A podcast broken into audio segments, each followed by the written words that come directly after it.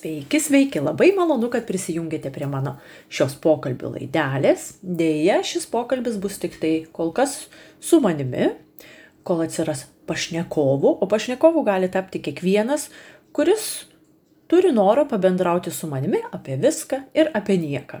Nes pagalvokime, aš jūsų nepažįstu, jūs manęs gal netai pažįstat, tai mes pasikalbėtume tiesiog prie kavos podelio kaip susitikusios pirmą kartą ar susitikę. Jeigu turite noro, namuose svetur Facebook'e, rašykite žinutę Adomas Jėva Jehudė į, rašykite e-mailą ir susitarsim. Na, o dabar truputį apie mane. Kaip jau sakiau, kalbuosi pati su savimi ir kadangi pokalbis šiaip galėtų būti labai nuobodus, paprašiau savo Facebook'o skaitytojų, kad paklaustų manęs kažko ir tai palengvintų mano šios pirmosios laidelės dalę. Taigi, gal ir pradėkime nuo klausimų. Pavyzdžiui, Auksė manęs klausė, kas traukia būti mane tokiai aktyviai. Na, žinot, nuo vaikystės buvau aktyvi. Tas aktyvumas buvo sumažėjęs, kai aš atvykau į Vokietiją, kadangi ne, nepažinojau žmonių. Na, pirmiausia, tai gyvenau šeimoje kaip auklė, paskui e, studentavau. Ten aktyvumas buvo gana didelis, aišku, su studentais visai kitoks gyvenimas gimus vaikams aktyvumas buvo lygus nuliui. Vat turbūt susikaupė tiek, kad kažkada man tiesiog reikėjo ištrūkti iš namų. O tada prasidėjo visi vaikščiojimai po koncertus, po visokiausius kursus, kaip visą tai suspėju, nes ne viena moteris klausė, kaip man pasiseka viską sukoordinuoti arba kaip suplanuoti pasiseka. Negaliu pasakyti, tiesiog mes šeimoje turime prioritetus, sakykime taip.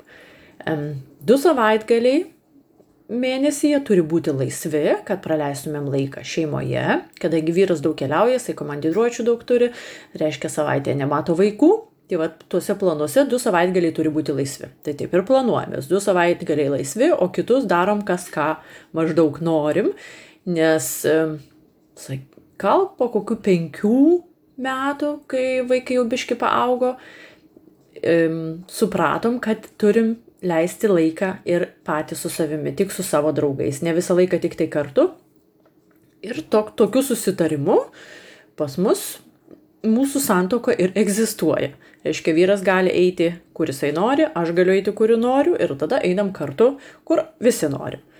Tai tas tikrai padeda visokiem planavimam. Nu, o planuotis aš nepasakyčiau, kad jau ten tiek aš planuoju daug, nes net kalendorių, žinokit, neturiu. Vienintelis kalendorius yra pas mus kabantis ant sienos, yra šeimos kalendorius.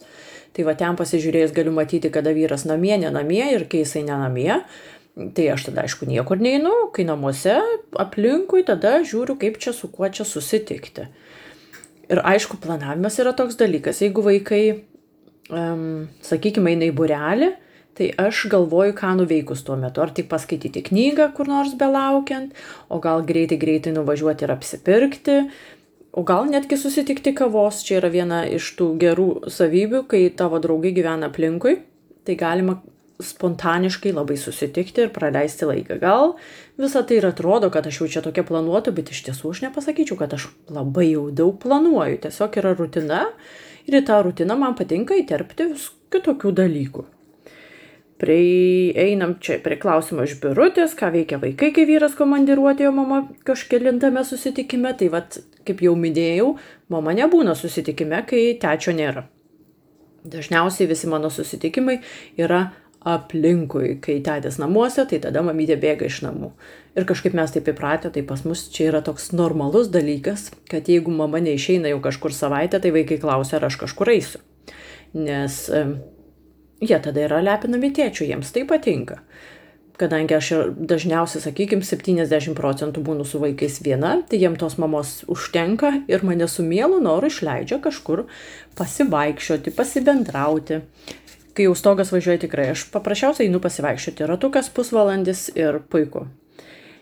Dar ką aš apie save galiu pasakyti. E, yra žmonės, kurie vadovaujasi intuicija, pavyzdžiui, jo. Yra žmonės, kurie vadovaujasi jausmais. O aš vadovaujuosi logika. Pas mane yra loginis mąstymas, nieko negaliu pakeisti, ne visą laiką gerai, bet aš savo požiūrį į gyvenimą remiu logiką. Jeigu man kažkas nelogiškai, tai klausinėjau tol, kol logika atsiranda mano požiūriu. Tai čia toksai e, keistas man, mano dalykas, nes ne visi tą supranta, bet, nu ką padarysi, esu logikos žmogus, man jie reikia remtis. Žmonės, kurie e, remiasi jausmais, tai jie tada žiūri, ar atitinka jų vertybės, kas yra gera, kas yra bloga, ne, tai jausminių požiūrių. Tai va tiek trumpai apie mane. Tikiuosi, tas mažas, mažas pokalbiukas dabar jum atvėrė šiek tiek apie ką čia viskas bus ir kaip čia gali viskas būti. Taigi lauksiu žinučių, gal Facebook'e, gal tiesiog per e-mailą, Adomas Jėva Jehudėjai, nebepamenu, ar jau sakiau tas per kelias minutės. Ir matysim, kas čia bus, gal svajonė liks svajone, o gal ir ne. Iki greito. Ate.